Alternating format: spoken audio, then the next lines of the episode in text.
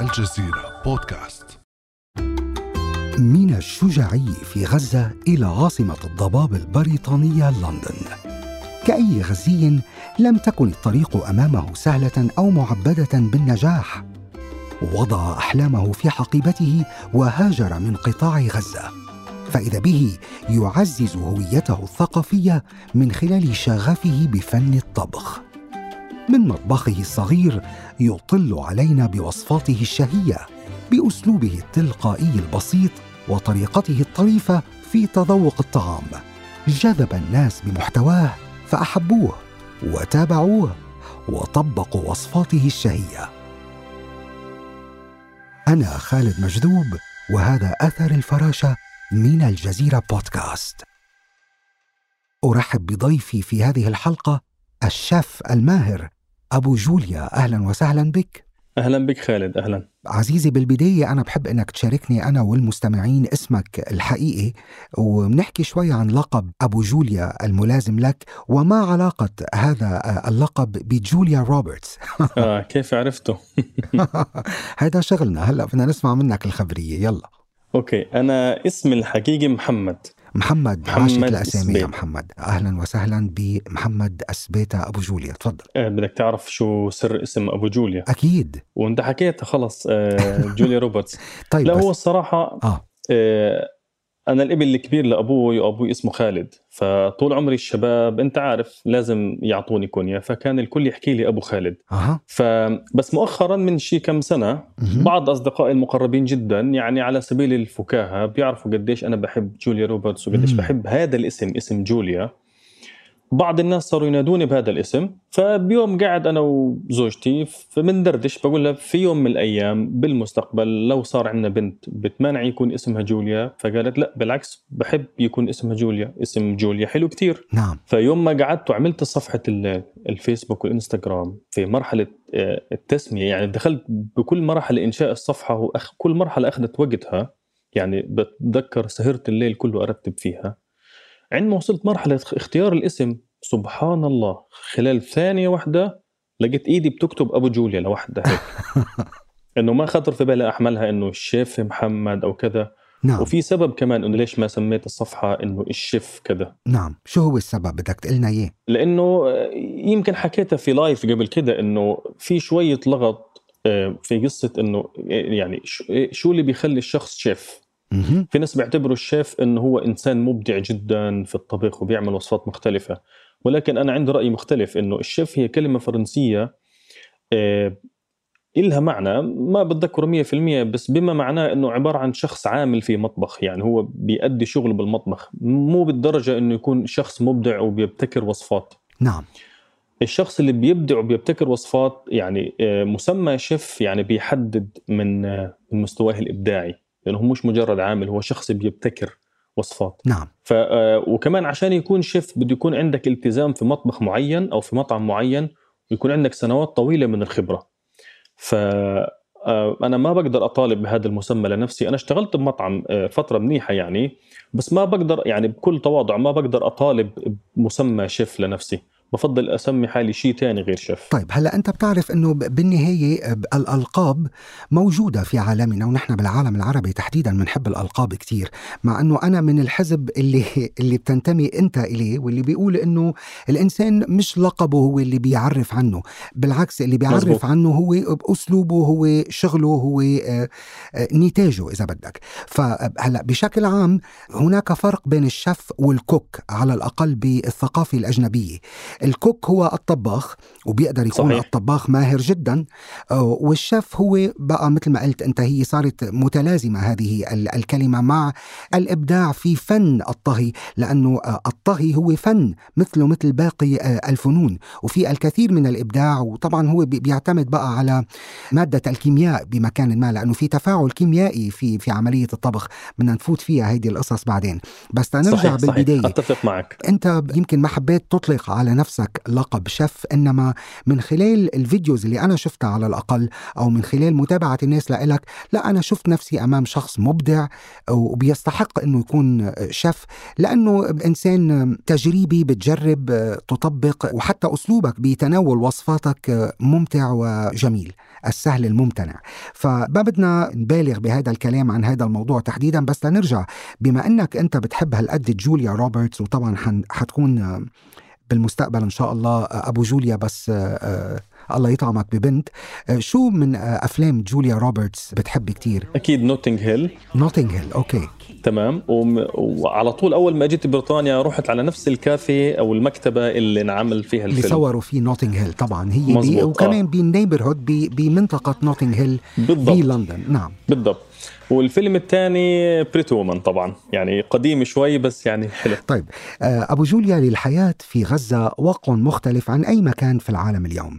في غزة التي لا تكف عن الانفجار كما قال الراحل الكبير محمود درويش أنت عشت أغلب حياتك. في ظل الحصار انقطاع كامل للكهرباء شبه انعدام للفرص حرب تتبعها هدنة فحرب أخرى إلى ما هنالك. كيف يربي برأيك المواطن الفلسطيني عموما والغزي خصوصا الأمل بالاستمرار في الحياة.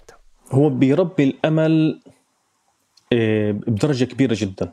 يعني بتخيل من التجارب المميزة جدا واللي مش أي حدا بالعالم بيعيشها إنه أنت تكون مولود بغزة. نعم. أنا عشت بغزة طبعا حياتي كلها. 30 سنة من غزة في غزة ما طلعت منها أبدا. نعم. أول مرة سافرت بحياتي كانت على بريطانيا مباشرة. نعم. فطول سنين حياتي هناك يعني ما تحركت ما طلعت منها بسبب القيود على الحركة والتنقل والخروج من المعابر. ما صار عندي أي فرصة مع أني حاولت كذا مرة أحاول آه، أكمل تعليمي أو أخذ تدريب أو شيء برا برا غزة. ما قدرت وهذا حل كل سكان غزة. طبعا وضع يعني وضع الإنسان الفلسطيني الغزي تحديدا وضع آه، أقل ما يقال عنه مأساوي بسبب يعني الاحتلال الغاصب طبعا. صحيح إذا ما عندك عملية طبية ضرورية أو عندك إيه، منحة دراسية معتمدة من دولة معينة ما فيك تسافر أبدا. يعني موضوع السياحة عندنا مثلا السفر كسياحة أو كعملية زراعة شعر أو ما بعرف لأي سبب كان مش مهم كتير. انسى الموضوع ما فيك تسافر. نعم. طيب كيف كيف حاول أو كيف قدر محمد أن يربي الأمل بنفسه في ظل هكذا وضع؟ أنا كان عندي طاقة كبيرة من وأنا صغير. لدرجة إنه بعمر ال 14 اشتغلت مع والدي في الحدادة. نعم. من 14 لغاية تقريبا 24 حتى بأيام الجامعة كنت أشتغل بالحدادة مع أبوي. كنت أحس بشعور المهندس اللي بيبني الأشياء. نعم. من من من من المواد البسيطة لمواد لأشكال معقدة. فهذا الإشي رب عندي الجانب الإبداعي. يمكن نعم. الآن لو سألتني ليش بتحب الطبخ يمكن يكون جزء من إجابتي إنه لأنه اشتغلت بالحدادة مع أبوي اللي هي بيتضمن فن آه، أخذ الأشياء البسيطة وعمل مركبات معقدة منها. يمكن عشان هيك بحب الطبخ إنه بشتري الأشياء من السوق بعدين بعمل منها طبخة مميزة مختلف الأطعمة فيها. نعم. يمكن فيها روح البناء هو فعلا أكل... انت أنت استبقت يعني السؤال الآخر لأنه كان حيكون عن كيف وجدت آه، محمد شغفك بالطبخ تحديدا. الآن أنا آه، درست لغة إنجليزية انجلش ليترشر في بالجامعة. جميل. ومنها آه، تخصصت بالترجمة. فكنت دائما أشتغل اشتغلت بالوزارة الرياضة والشباب. الشباب والرياضة آه، كمترجم. اشتغلت مع الصحفيين في في الحروب. اشتغلت كبروديوسر وفيكسر مع الصحفيين. كنت أروح معهم أثناء الحرب يعني. أنا يعني شوف التناقض وين؟ إنه الناس عم تهرب من القصف والحروب وأنا عم فاتح الراديو وعم بشوف وين في قصف وبنروح عليه مع الصحفيين. نعم. هذه تجربة كتير كتير علمتني إنه الحياة ممكن تكون قصيرة فحاول يكون عندك أمل إنك توصل لإشي بدك إياه. نعم. الشعب الفلسطيني في غزة بيعيش حياة صعبة جدا مليانة ظلم. مليانه ظلم وبحس إنه صوتنا مش مسموع يعني حياتنا تم اختزالها لتكون مجرد مادة للتقارير الإخبارية والسبق الصحفي ورسائل شجب هناك واستنكار من هناك. على فكرة أنا كمان يعني مش طفرة بالنسبة لأهل بلدي. أنا مش مش طفرة يعني. الشعب الفلسطيني كله طاقاته كبيرة. نعم. بس بسبب الظروف المعيشية بكل نواحيها السياسية والاقتصادية والإقليمية والمحلية كلها بتدفن المواهب. يعني أي حدا مكاني من غزة محتاج بس فرصة إنه يعيش بمكان. على الأقل ما في حروب عشان يقدر يركز في شغله هو نفسه يعملها. طبعا كلام منطقي جدا وهذا هو واقع الحال للأسف. بالمطلق أصلا يعني حالة الحرب اللي عم بيعيشها الإنسان الفلسطيني أو الغزي بشكل متواصل ما هي هون يعني ما عاد وضع طبيعي ليكون الإنسان عايش حياة طبيعية بيقدر من خلالها يركز على الإبداع وعلى الطاقات وعلى المواهب وعلى وعلى. هون صرنا ب survival mode يعني بس يعني الصراع لأجل البقاء لا أكثر بالضبط. ولا أقل. طيب أنت قلت إنه من خلال عملك بالإحدادي مع الوالد اكتشفت شغفك بالطبخ. كيف كان بداية مشوارك مع آه، الطبخ؟ وبدنا نحكي بعد ما تقلي عن هذا الموضوع عن علاقة الطبخ بالصورة النمطية آه، للرجل والمرأة بالعالم العربي. فكرة أنه أنت ك... ك... لما تشتغل في الإحدادة أنت يعني يعني تكنيكلي انت بتكون مهندس لأنه عم بتجمع أشياء فوق بعض. يعني بتروح بتشوف الأرض فاضية بترجع بعد شهر بتلاقي آه، مصنع ضخم جدا ارتفاعه 20 متر عرضه 50 متر. نعم. يعني من ولا شيء. فهذا الشيء بيعلمك إنه كيف أنت تخلق شيء من لا شيء. نعم القدرة على الابتكار. صحيح صحيح. بالضبط. الآن دخولي عالم الطبخ بصراحة كان في ظرف كان في ظرف شخصي خاص هو آه. اللي خلاني أدخل عالم الطبخ. والدتي كانت تعبانة في يوم من الأيام تقريبا كان عمري 15 سنة. نعم. وما كانت قادرة تطبخ أو تعمل شغل البيت. وأنا الابن الكبير أنا عن إحنا ست أولاد وثلاث بنات عائلة كبيرة. أنا مسكت موضوع الطبخ لأنه حسيت أنا الكبير والطبخ فيه مسؤولية وكمان من ناحية أمان وسلامة النار وهيك فلازم حد الكبير يكون مسؤول. يتولى نعم. هذا الموضوع. نعم. آه فكنت أنا زي الليدر يعني. أخذ موضوع الطبخ وأختي اللي أصغر مني بشوي أعطيها الغسيل أخوي أقول له كب الزباله زي هيك. وكانت ستي ستي كانت تيجي عندي وتحكي لي شو بتطبخ؟ okay أمك كانت بتعملها هيك بس في عندي طريقة ثانية خذ اعملها هيك. فكنت أتعلم من أمي وستي بنفس الوقت. فأمي كانت تتعلم من أمها. وفي الشغلة الحلوة هنا إنه مع إنه يعني يعني ام وامها المفروض يكون التشابه كبير جدا ولكن الفروقات البسيطة جدا بينهم أعطت عندي مجال للتفكير إنه طب ليش هيك وليش مش هيك؟ إيش معنى ستي بتعمل هيك وإمي بتعمل هيك؟ جميل مساحة للتفكير، مساحة للتفكر بالأشياء. نعم هذا كان لفترة سنة تقريبا بعدين خلص الحمد لله أمي تعافت وما كان في داعي إني أكمل بالطبخ بس ما قدرت إلا أضل أرجع على المطبخ دائما برجع للمطبخ نعم. عجبني موضوع الابتكار موضوع تركيب الأشياء الجانب الإبداعي عجبني. فصرت كل يومين ثلاثة أحكي لأمي في بالك شيء للعشاء؟ تقول لا لسه ما حدد. بقول لا لا أنا حدد. خلص أنا حددت شو بدنا نعمل على العشاء وأنا راح أعمل. طب بتذكر أول طبخة طبختها أبو جوليا؟ أول شغلة بحياتي عملتها كانت حلويات باردة. بسكوت بالقهوة والقشطة. إف. كان آه كان شيء بسيط جدا ولحتى الآن أنا بعمله مع إني أنا في بريطانيا وما خليت أي طبق عالمي إلا جربته نعم. إلا إنها أنا لسه بعتقد إنها من من من الشغلات المميزة جدا بالحلويات بالحلويات هي اسمها اسمها للاكله آه، آه، حلويات باردة هيك بسموها. الطبق هيدا اللي أنت بتطخه شو اسمه؟ لا لا هو يعني إحنا بصراحة بالقشطة مثلا يعني شو مسمين إحنا بالعالم العربي؟ يعني هاي الحلويات يعني يعني مصطنعة حديثة ما لها اسم عريق تاريخي زي لما مثلا نحكي عن الكنافة أو البقلاوه نعم. آه، هي بسكوت بالقشطة. يعني يعني تكاد تشبه في شكلها وقوامها. التيراميسو الإيطالي. آه التيراميسو بالضبط. وال... أنت وعم تقول لي هيك أول شيء خطر على بالي صراحة موضوع التيراميسو لأنه هن they dip the, the biscuits in coffee. يعني هي شغلة ضرورية جدا بالتيراميسو قبل ما يحطوا عليه بعدين الكريم و... وإلى ما هنالك. صحيح تماما صحيح تماما. ولكن التيراميسو بيكون خفيفه شوي. نعم. اللي أنا بعملها بتكون شوي سميكة. فهي كانت أول طبخة.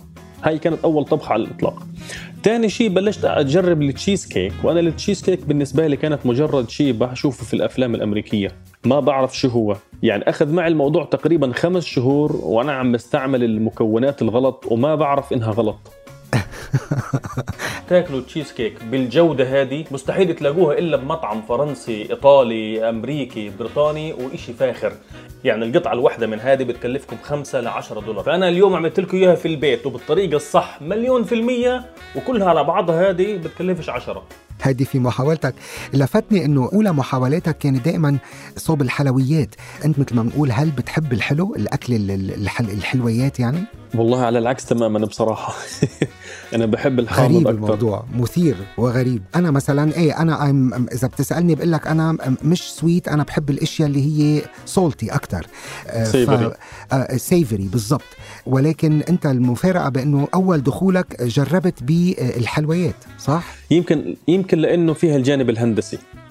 آه interesting آه لأنه التشيز كيك مثلا يعني أصلا الشيء المميز بالتشيز كيك من دون باقي الحلويات إنها مش spongy يعني مش اسفنجيه زي الكيك العادي لأنه نعم. إحنا في مجتمعاتنا العربية أول ما عملنا حلويات في حياتنا في البيوت بنعمل الكيك بس بنحط البيض مع الطحين وبطلع بيطلع كيك إسفنجي فالتشيز كيك طعمها سموث طري خفيف نعم. بيدوب بالتم فإنك توصل لهذا القوام هذا بده شغل هندسة نعم. مش إشي بسيط وبدها وقت كمان في التحضير وكمان يقال محمد بأنه آه، الفرق بين الحلويات بين ال sweets وال savory مثلا إنه أنت باي طبخة عادية ممكن تلعب مثل ما بدك بالمكونات وتعملها على ذوقك.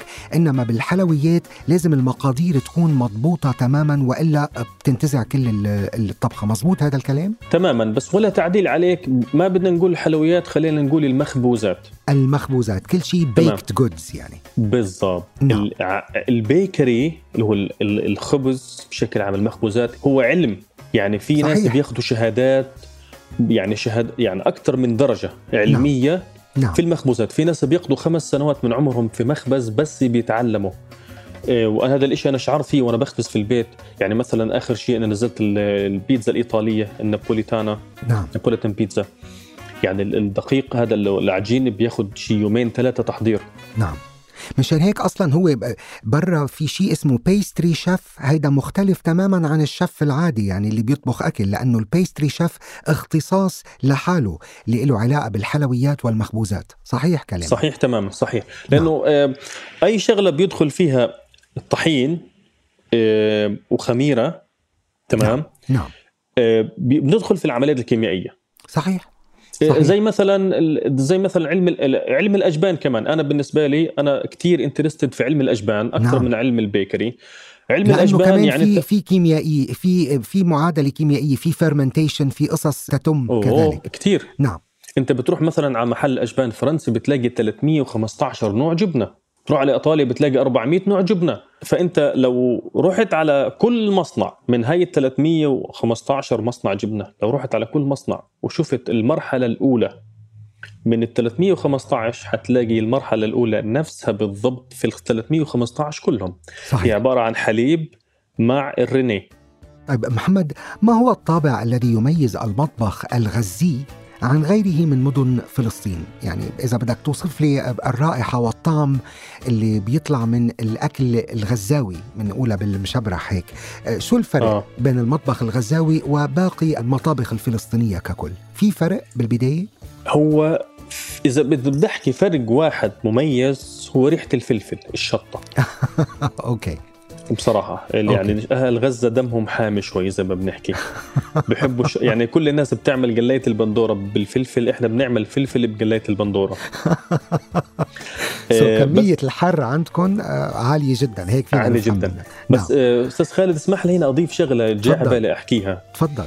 إنه من ضمن آه الظلم اللي بيعيشوه الفلسطينيين بفلسطين. نعم. من ناحية ثقافية إنه في دفن للهوية الثقافية. بدي أحكي شغلة هنا إنه في ناس بتخيلوا إنه فلسطين كانت عبارة عن أمة واحدة مجتمعة على كل شيء الثقافة كلها واحدة العادات كلها واحدة والأكل كل واحد.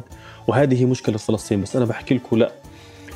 المميز في فلسطين إنه إحنا عمرنا ما كنا دولة واحدة أو أمة واحدة مجتمعة على نفس الأشياء. اللي مميز في فلسطين هو نفسه اللي بيميز لندن الآن. يعني الآن الغرب بيحكي أنه لندن من أهم الوجهات السياحية بالعالم بسبب التنوع. التنوع. بالضبط. نعم. لندن نعم. أساسا كمدينة بريطانية ما فيها أي شيء مميز إلا التنوع.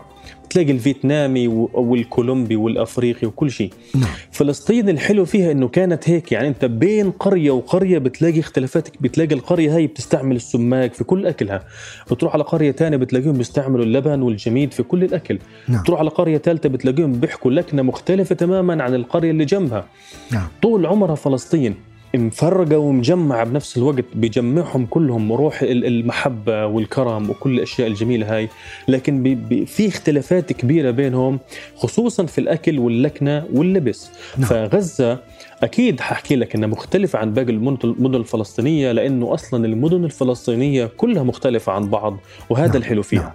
تتباين الآراء يا محمد حول الطبخ خصوصا بين آه، الرجال في العالم العربي يعني في شريحة منهم ما زالت ترى بأن الطبخ من مسؤوليات ربة المنزل المرأة. طب من موقعك أنت كطباخ مشهور ومحبوب جدا برأيك هل بتستطيع أن تغير نظرة هؤلاء الرجال للطبخ؟ خصوصا وأنه اليوم يعني أهم شفية بالعالم هم رجال وليسوا نساء. هو أنا الحمد لله إنه أنا فعليا آه تمكنت من اني أنا أعمل هيك. نعم. أنا هذا الكلام بشوفه بالرسائل اللي بتلقاها كل يوم. كثير رجال بيبعثوا لي إنه إحنا طبقنا وصفاتك. نعم. وكثير ستات بيبعثوا لي إنه زوجي صار يحضر فيديوهاتك ويطبقها. بشكل شخصي حتى كمان بتعرف على ناس. حلو. هنا في لندن. نعم. يعني بصراحة الحمد لله يعني لاحظت لاحظت التأثير. تأثيري الحمد لله وهذا الشيء أنا متفاجئ منه كثير إنه فعليا آه التأثير موجود وكبير كمان. بدي أوقف عن شغلي بما أنه كنا بعدنا عم نحكي عن التنوع اللي موجود بين المدن الفلسطينية والقرى الفلسطينية وإلى ما هنالك. أه، تزوجت أنت يا محمد ورافقت زوجتك الطبيبة في رحلة طلب العلم إلى لندن وكانت أول مرة تغادر فيها غزة. شو حكاية سفرك ولماذا قررت مغادرة أه، القطاع؟ أنا يعني زي زي أي شاب فلسطيني عنده طاقة وما صح له فرصة بحياته نعم أه، كان بيحاول إنه يسافر بغرض إنه يعيش بمكان. ما في حروب زي ما قلنا سابقا بحيث إنه يصير عنده دافع يركز على شغلة بيحب يعملها. نعم. مش إنه مضطر يعيش بس لإنه خايف من الحرب. فمن زمان أنا بحاول وقبل ما أتزوج قبل ما أتعرف على زوجتي بشي سنتين كنت قدمت على منحة تعليمية للماجستير في بريطانيا. نعم. وما نجحت في المنحة ما أخذت الموافقة. نعم. بس تعرفت على زوجتي يعني كنت لاغي موضوع الزواج من راسي خلص بدي أسافر. بعدين بس تعرفت على زوجتي يعني أبهرتني فغيرت رأيي. ف فصرت بدي أتزوج. إنه الحب نعم. بالضبط. فصار بدي أتزوجها لأنه ما بدي أضيع الفرصة بصراحة لأنه خلص حبيتها وما بدي أضيع الفرصة من إيدي. نعم. حتى مع إني كنت ناوي أسافر لكن بطلت. ولكن الحمد لله يعني لأن عملت القرار الصح تم تعويضي مباشرة بأنه بعد الزواج بأربع شهور مرتي فجأة بتحكي لي يلا نروح على لندن. طلعت لها المنحة نفس المنحة اللي أنا كنت مقدم عليها وإجالي رفض زوجتي نجحت فيها وهي اللي طلعت تدرس نعم. الماجستير في جامعة جامعة إمبيريال كوليدج في لندن. نعم. ف أنا بحب بحب زوجتي وبحب أدعمها. أنا بحب أدعم النساء بشكل عام. أهلي عيلتي وحتى المجتمع اللي حوالي. أنا أشوف أنا جانب من مساعد مساعدتي لأمي أو جانب من دخولي المطبخ إنه أنا كنت بدي أريح أمي لأنه كنت شايف إنه مش عدل إنها تعمل كل شغل البيت لتسع أطفال. لوحدها. صحيح فعلا. فبتقدر تقول آه إنه نوعا ما أنا بحب فيك تكون نسوي بهي الطريقة. صحيح إنك أنت يعني بهمك مسألة حقوق المرأة والمساواة بين تمام. المرأة وهذا كلام نحن بحاجة أصلا إلى رجال بيفكروا بهالطريقه أكثر وأكثر في العالم العربي. طب بصراحة يا أبو تمام. جوليا لو ضليت بغزة برأيك كنت قدرت إنك تحقق هاي الشهرة والصعود الصاروخي اللي حققته أنت اليوم؟ خصوصا في ظل انعدام الموارد والأدوات وصعوبة الحياة اللي يمكن كانت فرضت عليك مسار آخر. لو ما كنت اليوم شاف شو كنت؟ رح تكون يا أبو جوليا. تمام. أستاذ خالد أنا هذه النقطة اللي كنت بحاول أوصل لك إياها. الآن أنا ما كنت مثلا مثلا إنه آه، مهندس متخرج ومش ملاقي وظيفة. نعم. كان بيطمح إنه يسافر علشان يشتغل بالهندسة. يعني هاي هذا المثال يعتبر سهل إنه آه، شخص عارف شو هو شو بده وفي شغلة ناقصة عليه ولكن بيعرف شو هي. أنا الفكرة إنه أنا لأني عشت أنا أنا من السكان الشجاعية والشرعيه شافت حروب أكثر بكثير صحيح. من باقي المناطق في في غزة. صحيح. فكمية الإحباط اللي كانت ممكن تكون عندي كبيرة جدا. نعم. وعلى مدى يعني طول عمري كل فترة كان يخطر على بالي شيء نفسي اعمله يعني أنا بمرحلة من معينة من حياتي كان نفسي أكون مهندس في مرحلة معينة كان نفسي أكون طبيب في مرحلة ثانية كان نفسي أكون رسام. كثير مراحل في حياتي. كل ما يكون أكون في مرحلة معينة وأتخيل إنه أوكي هذا الشيء اللي نفسي أعمله يصير حرب يصير إشي خلص تتزعزع النفسية شوية تقل الثقة فخلص أنسى. نعم. فلما طلعت من غزة ما كان في شيء محدد في بالي إنه أنا بدي أكونه. ولكن وجودي في بريطانيا أعطاني مجال إنه أرتاح نفسيا صرت أطلع على الحدائق أتشمس كل يوم أجري أعمل رياضة أطلع على الناس فصرت شوي شوي أحس بالهدوء النفسي وبعدم التشتيت وبعدم الخوف من الحروب فشوية شوية بديت أرجع لطبيعتي البشرية إنه عادي أكون مبسوط عادي أكون مرتاح شو جاي على بالي أعمل. فعلى طول خطر في بالي الطبخ. يعني ال ال الهدف طلع يعني بتقدر تقول إنه طفى فوق سطح المية بعد ما المية آه، صارت صافية.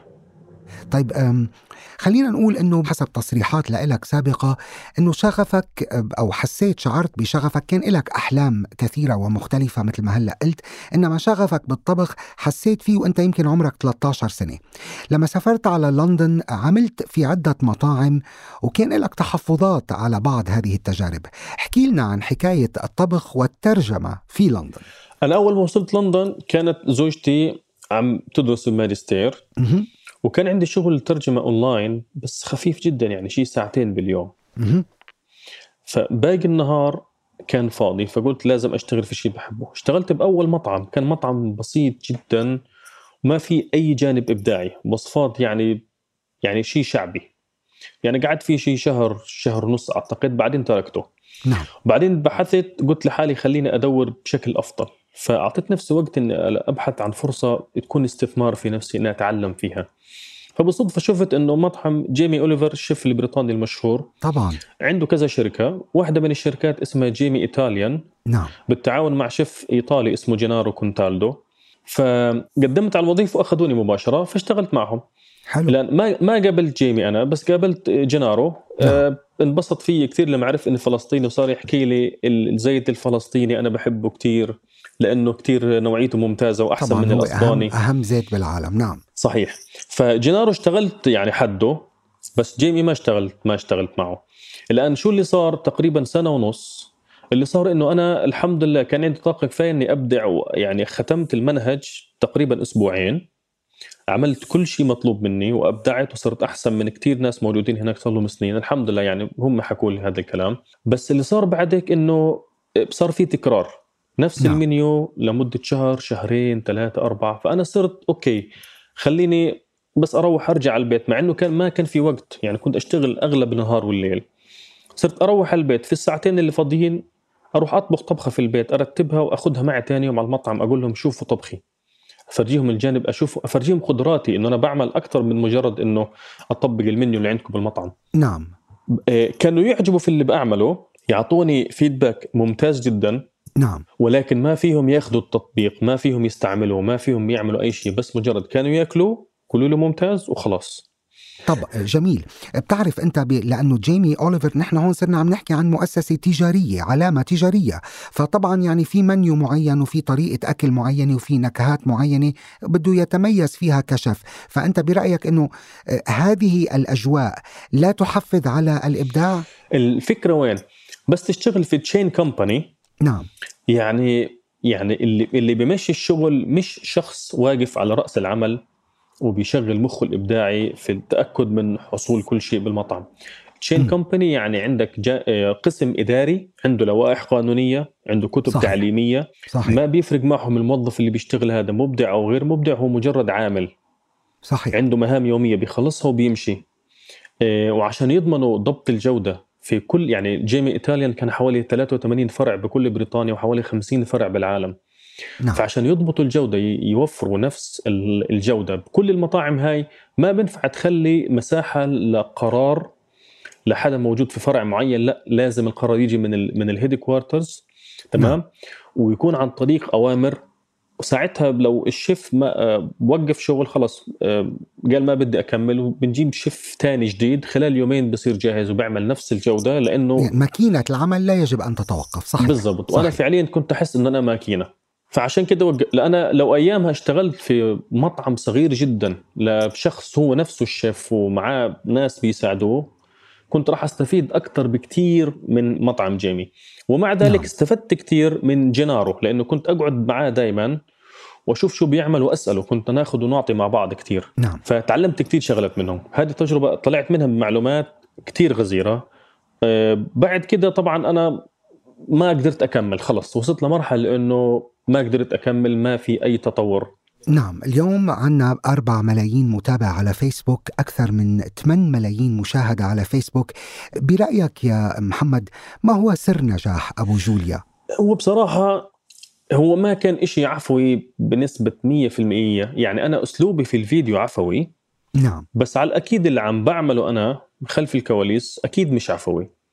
كله صار على بناء على دراسه طبعا. طبعا كله مدروس. يعني أنا الحمد لله الشغله اللي يمكن إجت في صالحي إنه أنا عندي لغة إنجليزية. نعم. فاللغة الإنجليزية لغة عالمية. فلما بدك تبحث عن طريقة عمل وصفة معينة أو تبحث عن طريق كيف إنك ت... ت...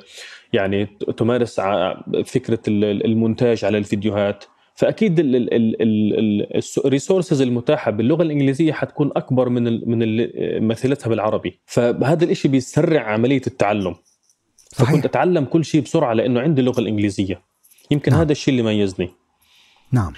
آه فساهم كثير في إنه أنا أعجل عملية صناعة الفيديوهات.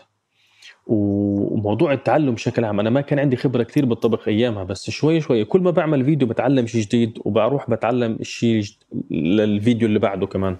وهيدا الجميل صراحة بمشوارك حتى الآن تجربتك الحياتية مثيرة للتأمل بالنسبة لي على الأقل لأنه آه، فيها تنوع كثير. الصدفة تلعب دور جميل في حياتك يا أبو جوليا وهذا بعتقد له علاقة بتطلعاتك والاتيتيود تبعيتك تجاه الحياة بشكل عام.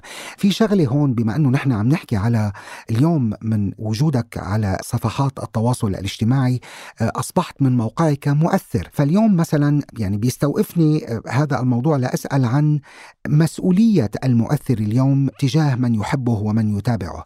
مناسبة سؤالي هو الفيديو الخاص يلي أنت حطيته على صفحتك اللي كان عن ضرب الأبراج بغزة.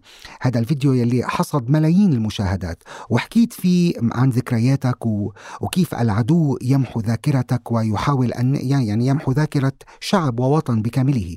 من هون بسألك يعني شو هي المسؤولية اللي بتشعر فيها تجاه متابعينك حضرتك ومن وجهة نظرك كيف بتكون مؤثر حقيقي اليوم؟ أه، أول شيء أكون صادق معك. أه، وصف مؤثر إنه أنا كأبو جوليا مؤثر هذا شيء جديد علي. أها. أنا لحتى الآن بستغرب من تأثيري على الناس. أنا ما عمري أه. ما تخيلت إنه شخص قد أبوي أو قد جدي يوقفني بالشارع ويقول لي ممكن أتصور معك. هاي الشغلة أنا لحتى الآن بتصدمني. أنا مش متخيل كيف صار هذا الموضوع. يعني أنا من نعم. خ... في سنة واحدة في سنة واحدة انتقلت من كوني شاب عادي جدا عايش حياتي البسيطة لحد بيتابعوا 4 مليون و700 ألف على الفيسبوك غير المنصات الثانية وفي عندي أنا بالفترة هاي في عندي أكثر من 800 مليون مشاهدة نعم شيء ما, شاء الله. ما, ما بقدر أتخيله نعم. الآن الشيء المميز والناس اللي بتحكي عن المحتوى تبعي إنه في انجيجمنت الناس بتكتب كومنتس وبتبعت رسائل آلاف المسجات بتوصلني كل يوم. صرت حاسس بمحبه الناس وبثقتهم وهذا إشي بعتز فيه كثير وبحطه على راسي. الآن هذا كله بيشكل مسؤولية فعلا. مسؤولية ليش؟ لأنه يعني إذا بدنا نحكي عن هذا انه هو شهرة فهي إن الشهرة في منها نوعين في منها المكتسبة وفي منها إنه آه، شو اسمها؟ إنه أنت إنه أنت المطلوبة. في شهرة نعم. مطلوبة وفي شهرة مكتسبة. أنا هي شهرة مكتسبة أنا ما طلبت الشهرة. نعم. فعشان هيك بحس بمسؤولية أكبر لأنه ما كنت جاهز ما كنت متخيل أصلا إنه يصير في شهرة زي هيك. نعم. أنا اليوم نزل نزلت أي معلومة لو حكيت أي كلمة بأي فيديو لازم أتأكد من صحتها. دائما أنا نعم. بمسك الموبايل وبفتح جوجل بفتح ويكيبيديا مواقع آه، مجلات علمية. بسأل أم جوليا بحكمها طبيبة وما شاء الله يعني عندها معلومات علمية واسعة جدا. دائما بس بسألها إنه تأكدي لي من المعلومة الفلانية. نعم. فمن ناحية مسؤولية فهي صعبة جدا صعبة جدا وإن شاء الله بكون عند حسن الظن. ولكن آه، سامح لي بس ردا على قصة إنه الفيديو تبع القدس وأيام أحداث آه، الشيخ جراح. نعم. هو أكون صريح صريح معك. يعني أنا فلسطيني والأحداث عم تيجي من فلسطين. ف وأنا طبيعي أتابع كل الأخبار. وبالرغم من إنه صفحتي للطبخ إلا إنه أنا الصفحة بتحمل اسمي لأنه أنا فلسطيني. صحيح.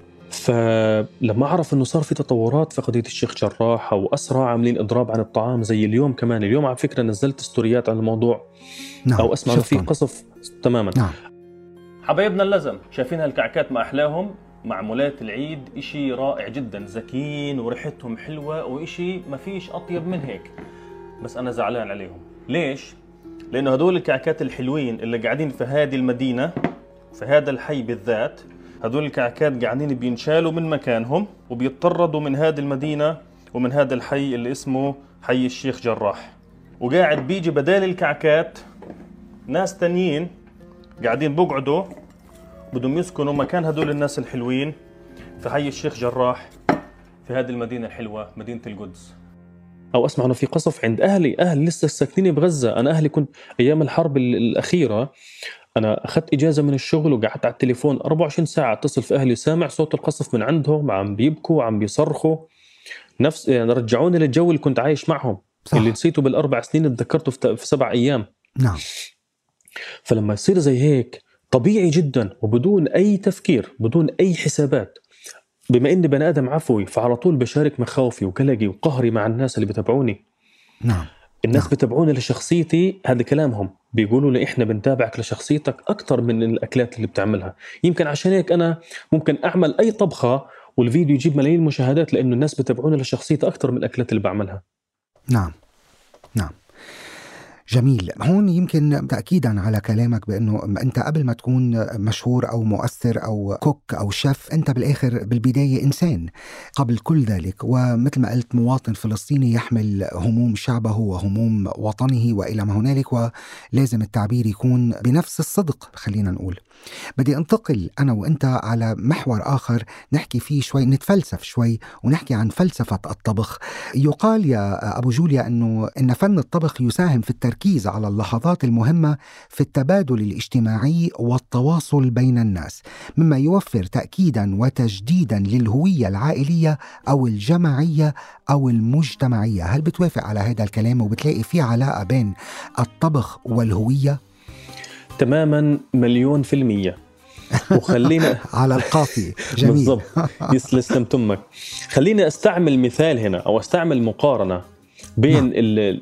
المجتمع الغربي والمجتمع العربي نعم. والمجتمع الفلسطيني خصوصا نعم.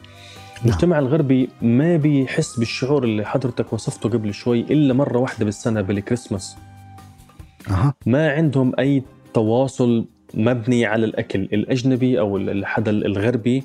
بالنسبة له الأكل هو مجرد شيء ضروري بالحياة عشان أكمل عادة حياتي. عادة يحتاجها الانسان ليعيش صحيح. بالضبط. إحنا عندنا بيختلف الموضوع تماما.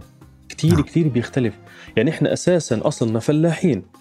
فبنجيب من الأرض إحنا بنشتغل في الأرض وبن... وبنقعد نتسلى في الأرض وبنحكي مع بعض في الأرض بناكل على الأرض بنعمل نعم. أفراحنا في الأرض. فالاكل كمان شغلة إنه الوصفه وصفات الأكل تبعتنا. أول شيء هي مرتبطة بالأرض لأنه أنت بتجيب البندورة من الأرض والزيتون والزيت وورق العنب كله من الأرض. صح. ف وبما إنه أغلبنا مزارعين فأكيد لما تلاقي مثلا تلاقي ستي قاعدة بتطبخ طبخة السماقية مثلا. أها. بتلاقي مثلا أمي قاعدة بتقطع باللحمة وأختي قاعدة بتعمل بالحمص وأخوي رايح على الأرض يجيب شوية سماق يطحنهم وينقعهم في المي. وبس نقعد بس جميل. يطبخوا مع بعض يجتمعوا حوالين بعض يطبخوا. كل it's واحد communal communal effort community يعني صار في من هون من كلام عمل جماعي عمل كل الناس بيشتركوا فيه. صحيح. صحيح. ولأنه إحنا عاداتنا وتقاليدنا فيها في كتير هيك تواصل اجتماعي. يعني بس نعم. ست تقول لأخوي آه، جبت اللحمة. فاخوي شو بيحكي؟ اول رحت على أبو أحمد. لقيته قاعد مع أبو عمر فأبو عمر بيقول له على الموضوع الفلاني فقال لي سلم على ستك فستي بتقول لي آه بقول لك سلم عليها لأنه ما سلم علي المرة اللي فاتت لما وديت له الجرجير بناخذ وبنعطي بنفتح قصص كتير كتير نعم. كتير وبنطمن على بعض وبنعرف نعم. أخبار بعض وإحنا قاعدين بنحضر بالأكل إحنا بالنسبة لنا الأكل نعم. مش مجرد أكل بدنا ناكلها وخلص أنا هيني في لندن أول ما أجيت ما كنت أطبخ طبخات أمي وأهلي كنت أعمل زي خلص بدي أعيش حياة يعني من عاشر قوما صار منهم. فحاولت أعاشرهم يعني آكل زي ما بياكلوا. ما انبسطت تماما. ابدا ابدا. صرت نعم. أحس إنه لا نعم. لازم أتعب بنفسي. أنا أمسك الأشياء بنفسي وأطبخها بإيدي عشان أحس بطعم ما كنت أحس بطعم الأكل إلا لما أشتغل فيه بإيدي. نعم نعم. كلامك بيذكرني بشغله أو بخليني أشعر بشغله كنت دائما بقرأ عنها أو بتستوقفني أو حتى لما بفكر فيها بلاقي إنه في من وراها وجهة نظر. وهي بإنه إلى جانب الحرب بمعناها الفيزيكال يعني العدو الإسرائيلي الحرب الحقيقية اللي عم بيخوضها ضد الشعب الفلسطيني والشعب العربي بشكل عام إنما الفلسطيني خصوصا هي حرب ثقافية. من هون عم بيجرب إنه يسرق هوية ثقافة الطعام الطعام الفلسطيني والتراث الفلسطيني وإلى ما هنالك.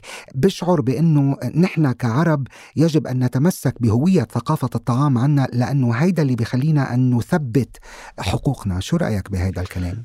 أكيد بتفق معك 100% وخصوصا خصوصا إنه الأكل هو جزء من الثقافة. ومن التراث. نعم. بالضبط. نعم. الثقافة والتراث والتراث ممتد لأجيال وأجيال بالتاريخ. تمام؟ فلما أطلع في طبخه اليوم الطبخة هاي ما اكتشفناها في يوم وليلة أو في 70 سنة. هي يمكن عمرها 700 سنة. فأكيد بيلعب دور. إحنا عشان هيك إحنا بالنسبة لنا إحنا أهل فلسطين محتاجين إنه صوتنا ينسمع. محتاجين إنه آه، الناس تتعرف على ثقافتنا. إحنا يعني أكون صريح معكم ما بدنا نحكي بالسياسة. إحنا مشكلتنا بفلسطين إنه زي ما حكيت لك الشغلة اللي بتميزنا هي الشغلة اللي عم بتضرنا. اللي بتميزنا إنه إحنا آه، متفرقين بشكل جميل. كل كل قرية وكل مدينة مختلفة عن الثانية بثقافتها وبأكلها وبلبسها. آه، مجتمعين على المحبة وعلى التواصل على صلة الرحم والأشياء هاي. عشان هيك بس صار الاحتلال يعني قدر بكل سهولة وإن شاء الله مش لوقت طويل إنه يفرق بيننا. إحنا محتاجين إنه نرجع نأكد على التشابه بيننا مع اختلاف الأشياء البسيطة اللي حكيتها لكن في تشابه هو كمان بيننا. صحيح نحن بدنا نعمل distinction بين التنوع والتفرقة. التنوع جميل ومطلوب وبالعكس يثري المجتمعات البشرية إنما التفرقة بين الناس كمان ما بدنا نحكي سياسي بس هو تماما كما يحصل في لبنان اليوم يعني. 17 آه، طائفة في تنوع ثري جدا إنما التفرقة هي التي تؤجج الوضع وتجعله سيئا. نفس الشيء بفلسطين. تماما. فعلا كلامك كتير مزبوط يعني لدرجة بأنه حتى أنا يعني قرأت بأنه الطهي الطبخ يساعد علماء الأنثروبولوجيا في تحديد هوية الشعوب وثقافتهم إلى هذه الدرجة يعني. إيه طبعا إلى جانب أكيد الموسيقى أكيد. والعادات والطقوس الدينية وإلى ما هنالك. اليوم إذا سألتك أن تجري مقارنة بسيطة وسريعة بين المطبخ الأوروبي والمطبخ العربي كيف تصنف المطبخين آه، أبو جوليا؟ أول شيء اسمح لي مداخلة صغيرة بس على الشغله اللي حكيتها قبل شوي حضرتك. في الطب بيحكوا أو في علم التغذية بيحكوا إنه أنت ما تأكل. نعم. الآن لو فكرنا فيها الطفل بس يطلع من بطن أمه بيكون قطعة لحمة صغيرة وبترجع بعد سنة بتشوفه بتلاقيه ما شاء الله صار طول بعرض طلع له شعر وله أظافر وبيمشي وبيتحرك وبيتكلم. هلأ شو اللي صار هنا؟ شو يعني أنت بتتخيل إنه أكل قائمة طويلة عريضة جدا من الأكلات المتنوعة اللي بتحتوي على الفيتامينات المختلفة عن بعض لكن في النهاية بتلاقي إنه أخذ حليب أمه بس بس حليب الأم. نعم. حليب الأم هذا بيحمل هرمونات وبيحمل إنزيمات وبيحمل الدي إن اي فامتداد لهذا الحليب الأم الأكل كمان. الأكل نعم. لأنه في النهاية أنتم كل خلية جديدة جسمك بيبنيها الخلية هاي بياخذ بروتين من ناحية معينة ودهون من ناحية معينة ففعليا الأكل اللي بنحطه في بطوننا الأكل اللي بيكون في المعدة بيتوزع على الجسم وبيبني جسمنا. فطبيعي إنه يكون الأكل بيعبر عن الهوية بيعبر عن طبيعة الإنسان اللي قدامك كيف بيفكر كيف بيحس. الأكل الفلسطيني أو العربي مختلف تماما عن الأكل الأوروبي. نعم. الأكل في أوروبا وعلى فكرة أوروبا بنقدر نقول كمان ما بنقدر نعمم على أوروبا كلها. يعني بريطانيا مثلا يعني ما في عندهم أكل. عندهم عندهم fish and chips يعني بس بجيبوا سمك مقلي مع بطاطا. وفي عندهم ال English breakfast اللي هو ال sausage مع البيض والفاصوليا. ما في عندهم طبخات مميزة ولكن هم بيشجعوا التنوع. بمعنى أدق هو ما في عندهم cuisine يعني أنا آه. ما بسمع ب... ما سمعت بحياتي عن شيء اسمه British cuisine صحيح. بتسمع إنه في Chinese cuisine وفي طبعا Lebanese cuisine و Palestinian cuisine و... ومش عارف مين ايطاليان تماما. وفرنش بس ما في شيء اسمه بريتش كويزين يعني هن their contribution to cooking is the potato chip. تماما. وفي كتير دول في أوروبا نفس الشيء ولكن إذا بدنا نحكي عن أوروبا إذا بدنا نقارن المطبخ العربي أو الفلسطيني بمطبخ أوروبي خلينا نختار شيء من أوروبا عشان نكون يعني نوعا ما المقارنة تكون عادلة. نعم ناخذ مثلا, مثلا المطبخ, المطبخ الإيطالي. الإيطالي. الإيطالي يقال إنه رقم واحد بالعالم مطبخ إيطالي وبالمناسبة يقال إنه رقم اثنين بالعالم هو المطبخ المغربي اللي هو مطبخ عربي. نعم. هلأ الفرق بين الفلسطيني والإيطالي مثلا الإيطالي هم جماعة بحبوا التبسيط. التبسيط في كل شيء يعني نعم. ما في شيء اسمه توابل في المطبخ الإيطالي. بعكس بعكس الفرنسيين. نعم تفضل. آه طبعا. الفرنسيين بحبوا يشتق يعقدوا الأشياء. الإيطاليين ببسطوها الإيطاليين من يوم ما اكتشفوا الخبز والباستا خلص قال لك بس ليش بدناش أكثر من هيك؟ الخبزة اللي هي بنعملها بيتزا بنعملها سندويشة بنعمل فيها وبنحط فيها أي شيء بدون توابل بيطلع طيب. والباستا نفس الشيء. الباستا أه. هي عبارة عن شيء بسيط جدا يا دوب ما في طعم لكن بتقدر تعمل منه 500 نوع. حرام عليك يا رجل لأنه ما فيك تقول إنه ما في نكهة بالأكل الإيطالي في نكهة نكهات مختلفة وفي عندهم 3000 نوع باستا و3000 نوع بيتزا. وكل وحده منهم ما أنا جاي لك بالكلام. نكهاتها وتوابلها مختلفة عن الأخرى. جاي لك بالكلام. أنا في في مرات مرة عملت وصفة باستا إيطالية ولقيت كثير من ال messages بتوصلني إنه أنت عملتها قبل هيك. فاستغربت إنه كيف عملت قبل هيك؟ أه. أنا قبل هيك عملت باستا بالجمبري بالبندورة ال cherry tomato أه. والمرة هاي عملت باستا بالبيستو فكيف إنه شوف الاستيعاب كيف بعض المتابعين صاروا يبعثوا لي إنه أنت عملتها قبل هيك فقلت آه أكيد قصدهم بالها هاي الضمير الها المؤنثة عملتها إنه هاي الباستا عملتها يعني بالنسبة لهم هاي باستا وهاي نفس الباستا أها. في ناس ما بيستوعبوا إنه فعليا آه زي ما حضرتك تفضلت الباستا ممكن يكون 500 نوع وكل واحد مختلف تماما عن الثاني وهذا هذا أنا هذا يعني خذها مني كمدح. أنا قاعد بمدح في الباستا من كثر ما هي متنوعة. نعم. ومع ذلك مع أنا بحياتي أكلت كثير أنواع باستا. لحتى الآن ما شفت باستا واحدة محطوط فيها كزبرة. كزبره ناشفة.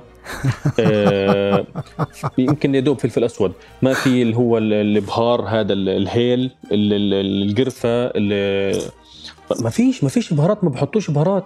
ومع ذلك يعني قمة الإبداع إنه أنت ما تستعمل البهارات ويطلع عندك 500 نوع مختلف تماما كل نوع مختلف في التجربة. نعم. يعني بحكم التكنولوجيا والعولمة وإلى ما هنالك صار في يعني طعام وجبات مختلطة ومتنوعة وما موقف مزبوط. أبو جوليا من هذا الاختلاط الحضاري الفريد وهل أنت مع تغيير الوصفات التقليدية مثلا لطبخات تراثية مثل المقلوبة أو المنسف وغيرها أه. أنا أنا مش بالضرورة مع مع التغيير أنا أنا مع الإضافة الإضافة. يعني نعم. آه يعني إذا مثلا المسخن الفلسطيني أه. الطريقة التقليدية تبعته أنا ما بقدر أغير عليها ومش مسموح إني أغير عليها. نعم. لأنه كثير رح ناس رح تزعل وهيك أنا عم بغير وبلعب بالتراث وبالثقافة.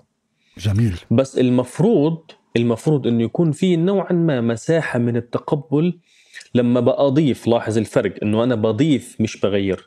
لما أضيف شيء جديد يعني أنا فما التطوير وليس التغيير خلينا نقول. آه. يعني مثلا لو أنا بدي أفتح مطعم راح إذا بدي أعمل فيه وصفتين مسخن راح أعمل على الأكيد وصفة التقليديه وإذا بحب أضيف وصفة ثانية جانبية للي بيحب لكن الوصفة التقليدية لازم تكون موجودة. طيب آه، أبو جوليا جميل. بس بما أنه أنت كنت عم تحكي عن هذا الكلام يلي هو استوقفني من ناحية أنه أهمية الأكل بالنسبة لنا لتراثنا لثقافتنا لتاريخنا وأهمية الفيوجن الاندماج والتطور. بس هناك فرق بين التطور وبين السرقة. يعني اليوم علاقة الوطن مع الطعام علاقة أصلية ومادية لأنها علاقة تفاعل كيميائي واندماج بين منتجاته. كمواطن أنت عشت تحت الاحتلال اللي ما زال موجودا للأسف واحتلال يحاول سرقة كل شيء بدءا من الوطن ومقدراته وانتهاء بالفلافل والحمص والتبولة اللي هي مثل ما كنت حكيت أرلير حرب ثقافية. من موقعك اليوم كيف بتستطيع يا أبو جوليا أن تواجه هذه السرقة وأن تذكر الناس بالتراث الفلسطيني الحقيقي؟ والله أستاذ خالد يعني سؤال جميل جدا وإجابته يمكن تكون كمان جميلة. هلأ ما في عشان فضل. الآن آه، إجابتي راح تتضمن آه، رد على بعض الناس اللي بيدعوا إنه وين المشكلة لما حدا يعمل طبخة من بلد تاني أو من ثقافة تانية؟ إيش نعم. يعني لما العدو يعمل فلافل؟ نعم. ما عادي ما في المغرب بيعملوا فلافل وفي كولومبيا بيعملوا فلافل. هنا اسمح لي أقول إنه عشان أوضح لك شو اللي بيعمله العدو الآن الفرق بين إيه ناخذ مثال. الفلافل في فلسطين والفلافل في بريطانيا والفلافل في إسرائيل. نعم. الآن الفرق وين؟ الفلافل في فلسطين موجود من ألف سنة. شيء تاريخي ثقافي تراثي. صحيح. تمام؟ الآن في بريطانيا بيعملوا فلافل بس البريطانيين حذرين جدا وعندهم تكتيكات سياسية وثقافية. البريطاني لما بيعمل فلافل ما بيحكي عنه فلافل بريطاني. صحيح. بيحكي فلافل فقط. انت بتروح على أي محل اليوم أنا كنت بمحل زي ما حكيت لك محل أسباني وبيعمل فلافل. نعم. مش مكتوب على المحل إنه هذا فلافل أسباني. مكتوب المحل مكتوب عليه فلافل فقط. نعم. بالصدفة بتسأل بقول لك إحنا من أسبانيا. عندنا بنعمل فلافل وإحنا من أسبانيا لكن هذا ليس فلافل أسباني. صحيح. هنا بيبرز أهمية استيعاب إنه لما الاحتلال يقول هذا هذا فلافل إسرائيلي لا هذا مش فلافل إسرائيلي. يعني أنت لو حكيت هذا فلافل فقط يعني كان زعلنا حيكون أقل. يعني زيك زي البريطاني. صحيح. لكن أنت بتدعي إنه هذا فلافل إسرائيلي وهذا حمص إسرائيلي وهذه تبولة. من متى كان في تبولة إسرائيلية؟ تمام؟ فهذا الفرق اللي الناس لازم تستوعبه. إنه على الأقل على الأقل لو أنت بدك تسرق شيء ما ما ما يعني ما يعني البريطاني ممكن يحس. يعني قبل فترة جيمي أوليفر نفسه يعني استوحى وصفة من من كولومبيا باستعمال رز معين. نعم. وهذا الرز بيفتخروا فيه تمام؟ فراح عمل وصفة هاي وقال إنه هي وصفته. فقامت الدنيا وما قعدت عليه. صار مشاكل سياسية في البلد وصار في احتياجات وصار في مسيرات في صح. الشوارع. صح. إنه كيف أنت بتدعي إنه هذا اعتداء على ثقافة محددة وثقافة لها علاقة بهذا البلد وتاريخه وتراثه. صحيح.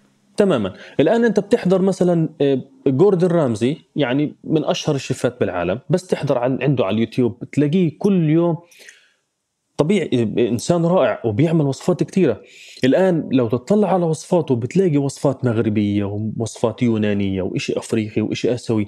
ما بيحكي ما بيحكي إنه هاي وصفتي. أو وصفة البريطاني أو وصفة الكولومبي. خلص نفس الشيء بتعمل نفس الشيء بتعمل نايجيلا لوسن ونفس الشيء بالضبط. بتعمل شو اسمها هيديك آينا جارتن وإلى ما هنالك. نعم. خلاصة القول باختصار ماذا تقول لمتابعيك إذا بدك تعطيهم نصيحة؟ لياكلوا صحي يستمتعوا باكلهم يعني أحكي لكم مثال عني أنا شخصيا إيش بعمل بحياتي. يعني يمكن يكون هذا إجابة كويسة.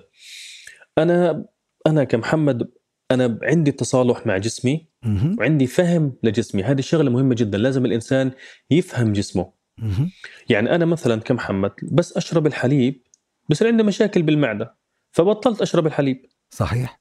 خلص صرت عارف نفسي. بعرف نفسي إذا أكلت حلو يعني مثلا أكلت كنافة أو بقلاوة الصبح على الريق بصير عندي حموضة طول النهار ومشاكل صحيح. بالمعدة. صحيح. في حين إنه لو تعشيت وبعدين أكلت حلو لو بدي أكل صحن كامل كنافة ما بصير عندي نفس المشكلة. صحيح. فكل واحد بيعرف جسمه. أنا بعرف جسمي أنا مثلا في أغلب الأحيان ما بت... ما بتناول وجبة الإفطار. نعم. جسمي بيكون مش جاهز إلها. فنصيحتي إنه كل واحد يفهم جسمه. هذا أول شغلة. ثاني شغلة إنه بدنا نفهم إنه الجسم زي الماكنة. نعم. زي الماكينة. إيش بفوت عليه؟ إيش بيطلع؟ الآن إذا بدي آكل أكثر من الحد المطلوب جسمي جسمي راح يصير فيه وزن زائد راح يصير في مشاكل في الشرايين في القلب. كل كيلو بيزيدوا جسمي وزنا نعم. بصير تعب على عضلة القلب إنها تضخ دم بزيادة. وكل ما اكلت دهون أكثر مشبعة كل ما صار في تضييق في الشرايين ولما يصير في تضييق في الشرايين القلب بصير صعب عليه إنه يضخ الدم من خلالها. صحيح. هاي الشغلات بدي أكون واعي لها أنا. فبدي أعرف مثلا إذا أنا بتعب في يومي ب 3000 سعر حراري ما بصير آكل 4000 ما بصير. إذا أنا وصلت لهذا التصالح مع الذات كل شيء بيكون تمام. بس المشكلة إنه إحنا عندنا إحنا. أنا نفسي عانيت من المشكلة هذه زمان والحمد لله الآن فهمتها بس أنا كانت عندي نفس المشكلة إنه ما عندي تصالح مع ذاتي. أنا نفسي عندي تضارب بالأفكار. عارف إنه أنا ما بحرق دهون كتير. وبنفس الوقت بدي آكل كل الأكل اللي بدي إياه. نعم طب ما هي ما كمان ما مش بس موضوع التصالح مع الذات إذا بتسمح لي أبو جوليا وكمان هون يعني آه، مسألة الوعي والإدراك ضرورية جدا الوعي بما يفيدك وما يضرك. آه، من مبدأ بأنه غذاؤك هو دواؤك بالآخر. هو الدواء ممكن يكون هو الداء نفسه. أحسنت قولا. بنهاية هالحوار الشيق والممتع جدا الحقيقة لا يمل وأنا بقدر ضلني عم بحكي أنا وأنت ونتجاذب أطراف الحديث لبكرة. يسعدك وبالمثل هنا. تسلم يا رب. آه، بس بالنهاية لازم أطرح عليك هذا السؤال اللي بنسأله لكل ضيوفنا بأثر الفراشة. أبو جوليا إذا استطعت أن تغير شيئا واحدا في العالم ماذا تغير؟ بغير العدالة الاجتماعية. العدالة الاجتماعية. أو النقص في العدالة الاجتماعية. يعني بدي يكون في عدالة وضحت. اجتماعية. طبعا طبعا. أن يكون في عدالة اجتماعية أكثر على الأرض وفي المجتمعات البشرية. مزبوط. لأنه هاي كثير شغلات بتعتمد عليها. أكثر بكثير من أي حدا ممكن يتخيله يعني أحكي لك مثال. إيه لو اخترنا أي مجتمع في خلافات سياسية خلافات اجتماعية خلافات دينية وناس عم تتبح مع بعض وعم بيتخانقوا على شغلات طالعة ونازلة لو عملنا عندهم عدالة اجتماعية ولو كل واحد صار عنده وظيفة بيقبض راتبها آخر الشهر بشكل آمن أنا عارف آخر الشهر نفسي راح أقبض راتب أدفع منه أجار البيت أدفع منه رسوم الجامعة لبنتي الدواء والأكل والشرب راح تختفي كل المشاكل. كثير من المشاكل الدينية والثقافية والاجتماعية اللي موجودة جوانا هي عبارة عن مشاعر آه، سلبية مبنية على نقص في كثير شغلات هي هو عبارة عن أنجر صحيح. غضب موجود جوانا نعم. بيطلع عن طريق نعم. الاختلاف الديني بيطلع عن طريق الاختلاف الاجتماعي السياسي لو كل واحد فينا بينام مطمن انه هو في عدالة بينه وبين جاره وبينه وبين أي حدا في بلده بصح له وظيفه زي حدا ثاني في في مواصلات في أكل وشرب. صدقني رح تختفي كل المشاكل.